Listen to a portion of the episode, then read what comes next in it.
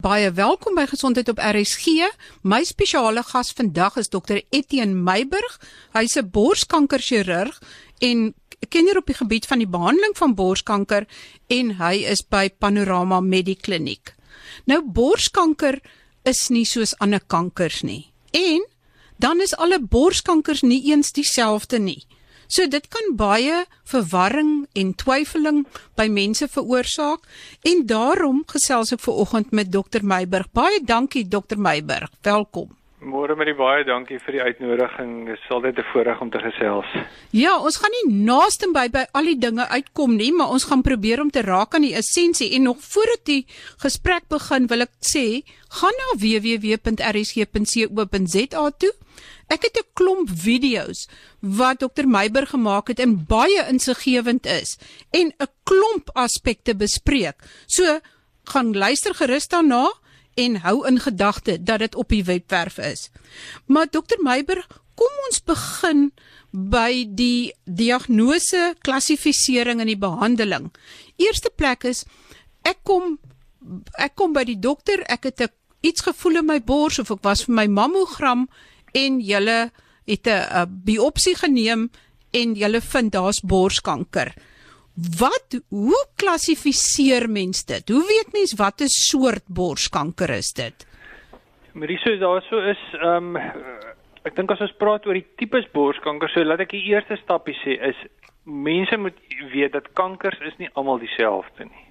Ehm um, sê maar 'n longkanker en 'n borskanker en 'n diktermkanker, elkeen van hulle het heeltemal verskillende gedrag en verskillende ehm um, hantering van mekaar. So mense moet nooit dink ag my ma het hierdie of hierdie kanker gehad en sy het baie sleg gedoen en daarom ignoreer ek nou hierdie knop in my bors want ek gaan in elk geval doodgaan nie. Ek kry dit so baie dat mense so half dink maar omdat een tipe kanker sleg gedoen het dat 'n ander een ook gaan doen. So borskanker oor die algemeen is een van die tipes kanker wat ons baie meer effektief kan behandel en ons uitkomste is baie goed. Ehm um, dan in borskanker self as ons nou eers weet borskanker in die ou dae was dit vir ons net belangrik om te sê ja, dis kanker of nee, dis nie kanker nie. So ons het baie keer 'n fynnaald aspirasie gedoen waar mense eintlik net selletjies getoets het. Maar vandag is dit vir ons baie belangrik dat ek die kanker se naam en sy adres en sy ID nommer moet weet. So ek wil weet watter tipe dit is. Ek wil weet waarvoor hy gevoelig en daarom beteken dit gewoonlik dat mens 'n stukkie weefsel van die kanker sal nodig hê en dit doen ons gewoonlik met 'n met 'n TrueCut naald of 'n spesiale naald wat 'n stukkie weefsel verwyder. Dan dan klassifiseer ons borskankers op 'n paar verskillende maniere en mense het nodig om al hierdie goeters te weet voordat jy nou vir die pasiënt al behandeling kan beplan. So ek sê altyd morfologies, dit beteken hoe die kanker lyk onder 'n mikroskoop. Uh en daar is die algemeenste kanker wat ons sien is 'n buiskanker. In Engels praat hulle van 'n ductal carcinoma. Maar 'n buiskanker en dit is omdat die selletjies lyk soos buisselletjies. Uh die tweede algemeenste tipe wat ons kry is lobulêre kanker. Nou lobulêre karsinoom ehm um, groei so half diffuus in die weefsel in amper soos 'n grondbedekkertjie daar in jou tuin. Hy maak nie noodwendig altyd 'n knop nie. Uh so hy gedra 'n bietjie anderster. So dit kan 'n skelmkanker wees wat mense nie op 'n mammogram so maklik sien nie. En dan het ons die ander 10% word opgemaak deur 'n lang lys van uh, ek wil noem dit maar skaarser kankers, goeie soos koloïdkankers en uh medulêre kankers en misieneuse kankers en uh metaplastiese kanker. So dis almal maar name wat ons gee van hoe die kankers lyk onder 'n mikroskoop. Uh ons wil ook weet wat is die gedrag van die kanker. So ons praat van die biologiese klassifikasie. So jy kan byvoorbeeld 'n buiskanker hê, maar hy's nie estrogen gevoelig nie. So die biologiese gedrag beteken waarvoor is hy gevoelig? En daar's drie goetertjies wat ons toets. Ons kyk of hy estrogen en progesteroon gevoelig is, daai twee, en dan kyk ons of hy 'n HER2 merkertjie op sy oppervlak het. Nou hierdie is alles goeters Ek dink daaraan altyd soos 'n satellietskotteltjie wat wag vir 'n sein van iewers af. En as hy daai sein kry, dan groei die selletjie nou vinniger. So as hy 'n satellietskotteltjie het vir estrogen, dan sal hy die estrogen gebruik en dit sal hom eintlik stimuleer om vinniger te groei. En dieselfde met die HER2 en So as jy 'n kanker het wat sê maar uh uh estrogen gevoelig is, maar hy's HER2 negatief, dan hanteer ons hom op 'n ander manier as wat jy dieselfde tipe kanker het, maar hy's HER2 positief en estrogen negatief. So dit is die biologiese karakter van die kanker en dis belangrik dat ons dit weet voor ons 'n operasie doen want ons sal vir sekere tipe kankers eers wil sistemiese behandeling gee, um chemoterapie of hers weet uh, anti-HER2 behandeling. Uh en dan die laaste aspek is eintlik 'n molekulêre tipering van die kankers en dis waar ons eintlik dan nou met ander woorde die DNA van die kankers toets met spesiale toetse soos byvoorbeeld 'n mamma print of 'n blueprint toets. Daar het ons het ons gewoonlik is dit 'n toets wat ons sal doen nadat die kanker verwyder is, maar ons kan dit doen voor die tyd en dan kan ons sien presies op 'n molekulêre vlak wat dryf hierdie kanker se gedrag. En natuurlik hoe meer ons weet van die persoonlikheid van die kanker, hoe hoe beter kan ons bepaal watse behandelings gaan vir hierdie pasiënt die meeste voordeel gee. Is dit op hierdie derde vlak, die molekulêre vlak wat jy kan sien of die kanker 'n kans het om te versprei of nie te versprei nie of hy uh, vinniger gaan groei in sulke tipe goed of wat? Dit is beslis die mees akkurate manier om dit te kan probeer voorspel. So selfs 'n kanker wat sê 'n molekulêre baie lae risiko kanker is, ons praat van 'n luminale A tipe kanker. Uh ons weet daar's nog steeds omtrent so 7 of 8% van daai pasiënte wie se kanker dalk op die langtermyn wel kan versprei. So dit dit dit dit voorspel nooit 'n 0% risiko nie. Maar wat ons wel gewoonlik kan sê is selfs al gee ons vir daai persoon chemoterapie dan gaan dit nie daai 8% minder maak nie. Waar as die molekulêre tipering sê maar sê dit is 'n luminale B of 'n basaalagtige tipe kanker, dan weet ons die risiko om te versprei is beslis baie hoër. Weereens nie 100% nie, maar aansienlik meer as die as die uh, luminale A tipe. En ons weet as ons vir hulle sou simagemoterapie gee, dan kan ons daai risiko aansienlik minder maak. So dit gee vir ons 'n baie akkurate manier om te kan bepaal watter pasiënte ons dalk kan vryspring van chemoterapie of nie. Uh die probleem met die molekulêre toetse op hierdie stadium ongelukkig is steeds kostes want dis maar genetiese uh ontledings wat gedoen word, so dit vat lank, dit vat omtrent 3 weke. En um kostes is is maar 'n bietjie van 'n dilemma. Ehm um, so dit maak dat daar ongelukkig nog steeds baie pasiënte is wat dit nie kan wat nie die opsie het daarvoor nie en daar's baie van die mediese fondse wat op hierdie stadium nog steeds nie uh, die insig het om te verstaan maar hulle kan eintlik geld spaar op chemoterapie as hulle dit sou gebruik nie. Ja, want as jy weet wat die molekulêre samestelling is, dan kan uh, ek verstaan daar was 'n studie wat gewys het dat baie van die mense dan nie chemoterapie nodig het nie. Ja, as ons kyk na estrogen positiewe kankers alleenlik. Uh en dit is 80% van die kankers wat ons sien. Meeste pasiënte se kankers is estrogen gevoelig. Nou daardie pasiënte weet ons al klaar, ons kan hulle met 'n anti-estrogen pilletjie behandel. So ons het eintlik al klaar 'n goeie behandelingsopsie. Die vraag is, moet jy nog chemoterapie bysit by daai pilletjie? En dis waar hierdie toets eintlik vir meer as 50% van die pasiënte kan kan help dat hulle eintlik dan nie chemoterapie hoef te kry nie sê vir my die as jy nou onder die mikroskoop kyk en jy het nou duidelikheid dit is 'n buistipe uh, lobulêr of 'n uh, buistipe kanker wat bepaal dit ook deel van die behandeling of wat sê dit vir julle? Nie regtig nie. So ons sal sê maar 'n buiskanker en 'n lobulêre kanker eintlik essensieel dieselfde behandel maar ons sal omdat ek weet 'n lobulêr is 'n skelmkanker mag ek dalk sê okay luister ons moet net seker maak die kanker groei nie dalk weier in die bors as wat ons miskien nou aanvanklik gedink het nie. So partykeer sal dit nodig wees om 'n paar addisionele toetse te doen met met 'n pasiënt wat 'n lobulêr het versus 'n buis. Uh die ander ding wat ons met lobulêr partykeer sien is dat ehm um, dat daar baie keer limfnodes is wat aangetast is ehm um, eintlik uit verhouding uit met wat ons sien in buiskanker sien ons maar omtrent in vroeë kankers gewoonlik maar so 10% van pasiënte wat nodig is wat aangetast het. Met lobulêr sien ons meer.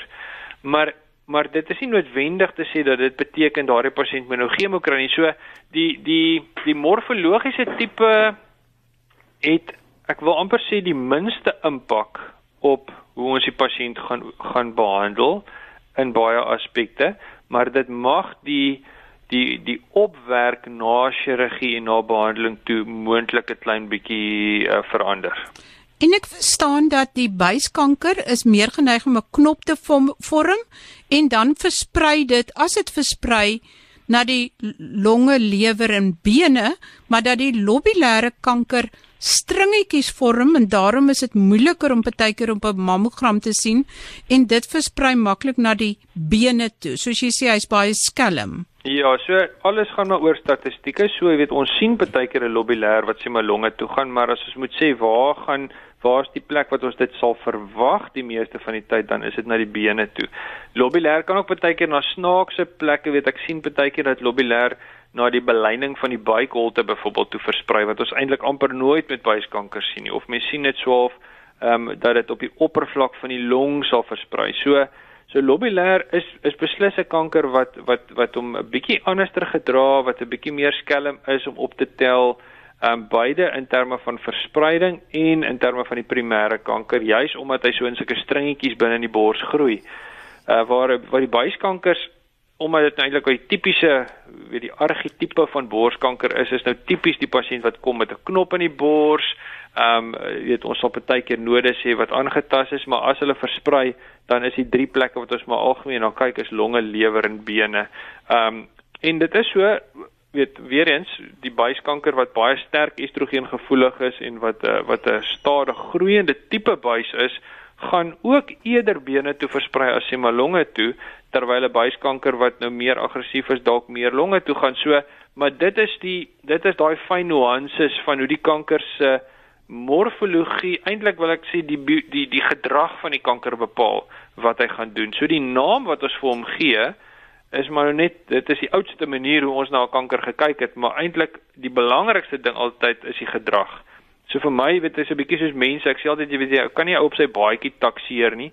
Jy jy moet op die ouend weet wat is sy persoonlikheid want uh jy weet die beste reeks moordenaars is baie keer die ouens wat die beste geklee is. Dit beteken nie hy het 'n goeie persoonlikheid nie. So dit het eintlik groot vooruitgang beteken dat jy dit biologies en molekulêr kan tipeer.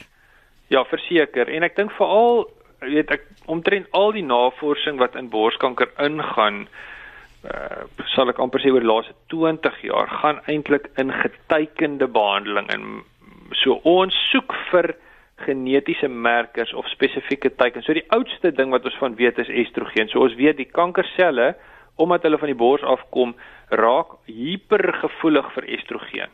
So selfs in 'n postmenopausale vrou wat die eierstok nie eintlik meer estrogen maak nie, uh raak hierdie kanker so hipersensitief vir estrogen dat daai selfs daai klein bietjie estrogen wat tog in die pasiënt se lyf is, gee vir hierdie kanker kos en stimuleer hom om te groei. En dit is een van die eerste behandelings wat al meer as 100 jaar terug wat hulle agtergekom het, maar wag 'n bietjie as ons 'n pasiënt se eierstokke uithaal, dan krimp hierdie borskankers. So dit was die eerste gewaarwording dat daar eintlik 'n biologiese manier is wat jy hierdie pasiënt kan behandel. Nou ons het dit natuurlik verfyn oor die jare Nou kan ons toets vir die estrogen en ons kan sien watter kankers is sensitief daarvoor en ons kan dan daai spesifieke getekende behandeling. So in die toekoms voorsien ek dat kankerbehandeling en ek wil nie net borskanker nie, ek dink baie ander kankers almal in die wêreld soek vir spesifieke getekende behandeling dat ons die kanker op 'n baie meer spesifieke manier kan aanval as wat ons swaal vir algemene iets soos chemotherapie gee. En die HER2 behandeling is nou al baie geteken. Verseker, dit is dit is uh trastuzumab was die eerste molekuule wat uitgekom het om om HER2 positiewe kankers te teiken. En weet ons het eintlik altyd gesê wel as jy daai merker het, is jou risiko omtrent 60% hoër om aan jou kanker te sterf en op daai stadium het ons nog nie behandeling gehad teen dit nie, so dit was eintlik maar net slegte nuus geweest vir almal. Maar nou sien ons as 'n pasiënt sien maar met 'n HER2 positiewe kanker kom, uh, ek sien pasiënte wat kom met verspreide siekte wat reeds letsels in hulle lewer sê maar het. En wat ons toets en ons sien ons is 'n HER2 positiewe kanker en dan behandel ons hulle met 'n kombinasie chemoterapie saam met trastuzumab. Um, en ons sien van daai pasiënte wie se kanker totaal en al wegsmelt en as ons hulle op die ount opereer is daar niks oor nie. So vir die eerste keer kan ons nou met getekende behandeling genesing sien van pasiënte wat eintlik kom ons sê 15 jaar terug of 20 jaar terug as 'n ongeneesbare pasiënt beskou sou geword het. So sal jy dus sê dat die prognose ook baie verbeter het. Verseker, daar van die 1950s af was daar 'n konstante verbetering in borskanker uitkoms. En en ek die die die rede hoekom dit gebeur het in die in die vroeë 1900s was die gedagte aan kanker presies hierdie morfologiese gedagte met ander woorde ons het 'n knop en as ons nou net daai knop groot en wyd uitsny en ons haal die kliere uit dan gaan ons die kanker keer dat hy nie verder kan gaan nie maar dit is nie dit help nie jy jy behandel die die die dit wat jy kan sien nie maar jy los eintlik die mikroskopiese ehm um, uh, selletjies wat dalk so saaitjies iewers rond wag jy jy doen niks daaraan nie. So hier van die 1950s af het die konsep dat ons eintlik moet bykomende behandeling gee soos chemoterapie en anti-estrogen behandeling, het dit al hoe meer begin posvat en om die waarheid te sê, het die die die ekstensie van die operasies wat ons gedoen het, het al kleiner geword. So die besef dat 'n enkele modaliteit van behandeling is nie suksesvol nie. Jy moet 'n kombinasie. So ons het so al 4 Ek praat altyd van die vier pilare van die behandeling. Jy wil 'n operasie doen om die kanker te verwyder. Jy wil 'n sistemiese behandeling gee of jy moet oorweeg vir chemo jy moet oorweeg vir bestraling en jy moet oorweeg vir is daar teikens wat ek kan behandel soos anti-estrogen behandeling. En as jy daai as jy vir die pasiënt die optimale kombinasie gee, dan kan ons meer as 90% van vroeë borskankers kan ons eintlik op die ount gesond maak. Dokter Meiburg, dit klink vir my of mens die behandeling nogal goed moet beplan. Jy jy julle het nou die pasiënt by julle. Julle weet wat 'n soort kanker is. Julle die biologie van die kanker. Julle die molekulêre tipering. Hoe vinnig groei 'n kankersel? Het jy tyd of moet die behandeling sommer die volgende dag begin? Gaan dit 'n verskil maak om miskien 'n week of 2 of 3 te wag en ordentlik te beplan Ja, so die data as ek nou moet sê gemiddeld aanvaar ons 'n kanker wat kleiner as omtrent 1.5 cm tot 2 cm is, sal omtrent 3 maande vat voordat die selletjies verdubbel. So daar is data van weet lande sê maar soos die uh, Verenigde Koninkryk of uh, weet waar daar 'n nasionale gesondheidstelsel is, is die wagtye vir borskankerbehandeling eintlik baie lank. So hulle het gekyk na luister maak dit 'n verskil as hierdie pasiënte sê maar 6 weke wag vandat hulle nou uh, gediagnoseer word totdat hulle op die ouend nou sê maar 'n operasie of ietsie kry. En die antwoord is nee. Maar as jy vandag 'n dokter sien en môre kry jy die verkeerde operasie of jy kry die verkeerde opsie, dan maak dit tot 'n 15% verskil in jou oorlewing. Nou dit klink miskien nie so baie nie, maar chemoterapie maak jou risiko maak jou maak jou oorlewing omtrent 15% beter as ek nou so half dit as 'n gemiddeld sal gebruik. So jy kanselleer amper die effek van uh, ietsie soos 'n chemoterapie vir 'n estrogen positiewe kanker uit as jy nie baie mooi besin oor wat is die regte behandelingsopsies nie. So ek dink die behandeling van borskanker is is is kompleks. Dis die eerste ding. 'n Dokter wat nie wat nie baie daarvan doen nie. Daar is geen manier dat jy op datum daar kom daagliks regtig waar honderde nuwe navorsingsartikels oor borskanker uit en op datum te bly met wat is die beste en nuutste benadering is beslis nog 'n uitdaging. So my advies altyd is nommer 1 is jou dokter moet binne 'n span werk.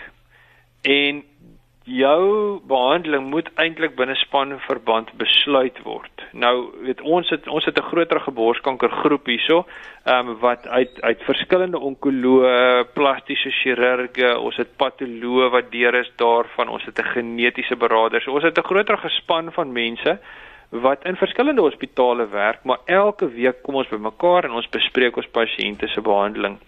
En ons het natuurlik protokolle, so ons het 'n redelike goeie idee. Elkeen van die spanlede weet, okay, as ons so 'n tipe pasiënt met hierdie scenario kry, dan is hierdie die protokol wat ons gaan volg. Maar steeds word daar op op 'n weeklikse basis vergader om te besin oor wat is die beste en die mees effektiewe roete om die pasiënt se behandeling te volg. So dit is essensieel dat pasiënte wat nie gediagnoseer is met en ek wil eintlik sê enige kanker, maar veral 'n borskanker dat daai behandeling binne 'n spanverband moet plaasvind. Ek verstaan baie keer sit 'n pasiënt iewers op 'n plek waar daar regtig net een dokter is, maar die minste wat 'n ou kan doen is om 'n telefoon op te tel en met sy kollegas die ding te bespreek, ehm um, sodat daar sodat daar van verskillende hoeke af, so jy weet ek is 'n chirurg ek dink aan watter operasie gaan ek doen. My onkoloog dink wag 'n bietjie, is chemoterapie dalk nodig vir hierdie pasiënt. My genetikus sê wag 'n bietjie, uh, haar pa het borskanker gehad, miskien moet sy 'n genetiese toets kry. So elkeen van die span bring 'n inset in hierdie pasiënt se benadering in wat wat vanuit sy perspektief vanuit sy perspektief ook belangrik is, maar op die ou end kleur dit hierdie pasiënt se behandelingsprentjie in dat ons op die ou end vir hierdie pasiënt kan sê, "Alright, hierso is jou hele plan."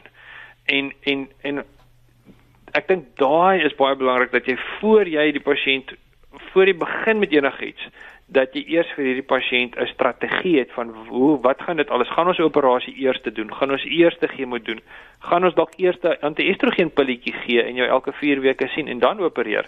So elkeen van hierdie opsies is beskikbaar en dit is belangrik om daai goeders mooi te evalueer vir die pasiënt. Nou daar's geen risiko om te wag vir 'n paar weke nie en ek dink eintlik is dit lewensreddend dat 'n pasiënt behoort nie vandag te hoor sy borskanker en môre operasie te kry nie. Ek dink geen mens kan in haar kop die nuus verwerk en regtig sinvol dink oor die verskillende opsies wat sy het nie.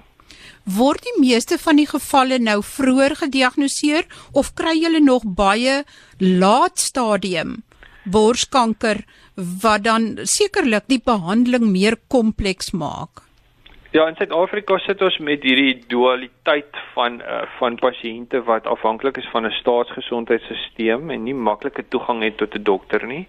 So ongelukkig in die staatssektor gesondheidssektor sien ons 'n groot gros van pasiënte wat met stadium 3 en 4 siekte presenteer. So dit is kankers wat eintlik al reeds redelik gevorderd is en baie keer eintlik ongeneesbaar is. So ongelukkig uh opvoeding is 'n weet dit is 'n groot groot probleem wat ons mee sit. Toegang tot mammografie en diagnostiese ondersoeke, toegang tot kundigheid So dis al die uitdagings wat aan die staatssektor is. In die privaat sektor is dit beslis so dat oor die jare sien ons die kankers al al vroeër en vroeër. Uh weet dit kan 'n goeie of 'n slegte ding wees, maar ons sien gereeld kankertjies wat 3 of 4 mm groot is. Nou weet ek wel dit dit is ek mens ek weet nie of mense dit alle kanker kan noem omtrent nie, weet. Maar dit is so as jy dit op daai vroeë stadium optel, as jy kanker onder kom as jy 2 cm kan optel dan is die behandeling beslis baie makliker en baie meer effektief as wat jy sê maar sit met 'n 4, 5, 6 cm groot kanker en 'n klomp kliere wat aangetast is. So ja, in die private sektor sien ons beslis kankers vroeër. In die staatssektor het ons nog steeds baie baie uitdagings wat vir ons voorlê. Is die beste manier om dit vroeg op te tel nog steeds 'n mammogram? Sê maar mammogram plus sonar of of hoe wat is die beste manier? So ek ek so die eerste ding wat ek wil sê is onthou daar's 'n verskil tussen diagnostiese benadering, so as jy nou 'n knop het in jou bors, dan moet dit ondersoek word, maak nie saak of jy 20 of 40 of 50 of 60 is nie. As jy 'n heeltemal gesonde normale pasiënt is, dan praat ons van sifting vir borskanker. So die die een ding, so ons sê gewoonlik, daar moet 'n bewustheid wees dat borskanker 'n probleem is. So ons sal gewoonlik vir pasiënte goed sê soos jy moet jou eie bors ondersoek. Ons weet vrouens is nie baie goed om te kan weet wanneer is 'n knop nou gevaarlik of nie, maar dit kweek 'n bewustheid van luister, ek moet ek moet oplet na wat in my bors aan die gang is. So dis die eerste stap. Die tweede stap is dan 'n om toegang tot 'n kliniese ondersoek van jou bors. Nou baie mense gaan net vir 'n mammogram. Maar as jy kyk na plekke soos in Kanada byvoorbeeld, daar het hulle gekyk na pasiënte tussen 40 en 50 en die wat elke jaar 'n formele kliniese ondersoek van hulle bors gekry het versus die wat 'n mammogram gekry het vir sifting, het eintlik presies dieselfde voordeel daarvan gehad. So ek dink nommer 1 is jy moet bewus wees van wat in jou bors aangaan en jy moet reageer op goeters wat fout gaan. Nommer 2 is 'n kliniese ondersoek van die bors is baie werd en mense onderskat dit. So ek sou definitief sê elke vrou behoort waarskynlik van tussen 35 en 40 af 'n jaarlikse kliniese ondersoek van haar bors te hê. Ehm um, by het sy haar ginekoloog of haar huisdokter of by 'n borsdokter of wat ook al maar maar in beginsel 'n kliniese ondersoek. Mammogramme is nog steeds die die goudstandaard in terme van borssifting. Ehm um, maar natuurlik hoe digter die bors is, so jy weet 'n pasiënt van 35 se borsweefsel is nog so dig dat daar baie maklik 'n knoppie daar kan wegkruip wat jy nie op 'n mammogram gaan sien nie. So in jonger pasiënte is die voordeel van mammografie nie so groot nie en ons het baie noem dit maar onsekere letseltjies wat ons optel wat ons dan nou maar sal opvolg of dophou. So die grootste voordeel van mammogramme begin eintlik van 50 af. Ehm um, so ek my my benadering vir my pasiënte omdat Suid-Afrika nie 'n formele borskanker siftingsbeleid het nie is as jou bors 100% normaal is dan moet jy vir kliniese ondersoeke gaan en jy moet waarskynlik van 50 af 'n mammogram laat doen. As jy 'n verhoogde risiko van borskanker het, kom ons sê jy jy het nou sê maar 'n ma wat borskanker gehad het en jy's oorgewig en jy drink elke aand 'n glas wyn en 'n tweede klomp goed, dan moet jy waarskynlik van vroeër af begin met mammogramme enige tyd van 40 af. En as jy 'n baie sterk familiegeskiedenis van borskanker het, kom ons sê jy het 'n ma en 'n sussie met borskanker of jy het 'n pa wat borskanker gehad het of jy het iemand met eierstokkanker, dan moet mens oorweeg om dalk geneties ondersoek te word om te sien of jy nie dalk 'n genetiese risiko het vir borskanker nie. Nou dit moet by 'n genetiese beraader gedoen word. Jy het nou presies die volgende vraag geantwoord oor die genetika. Ja. Maar dan wil ek net weet baie kortliks, wanneer is die beste tyd vir 'n borsrekonstruksie?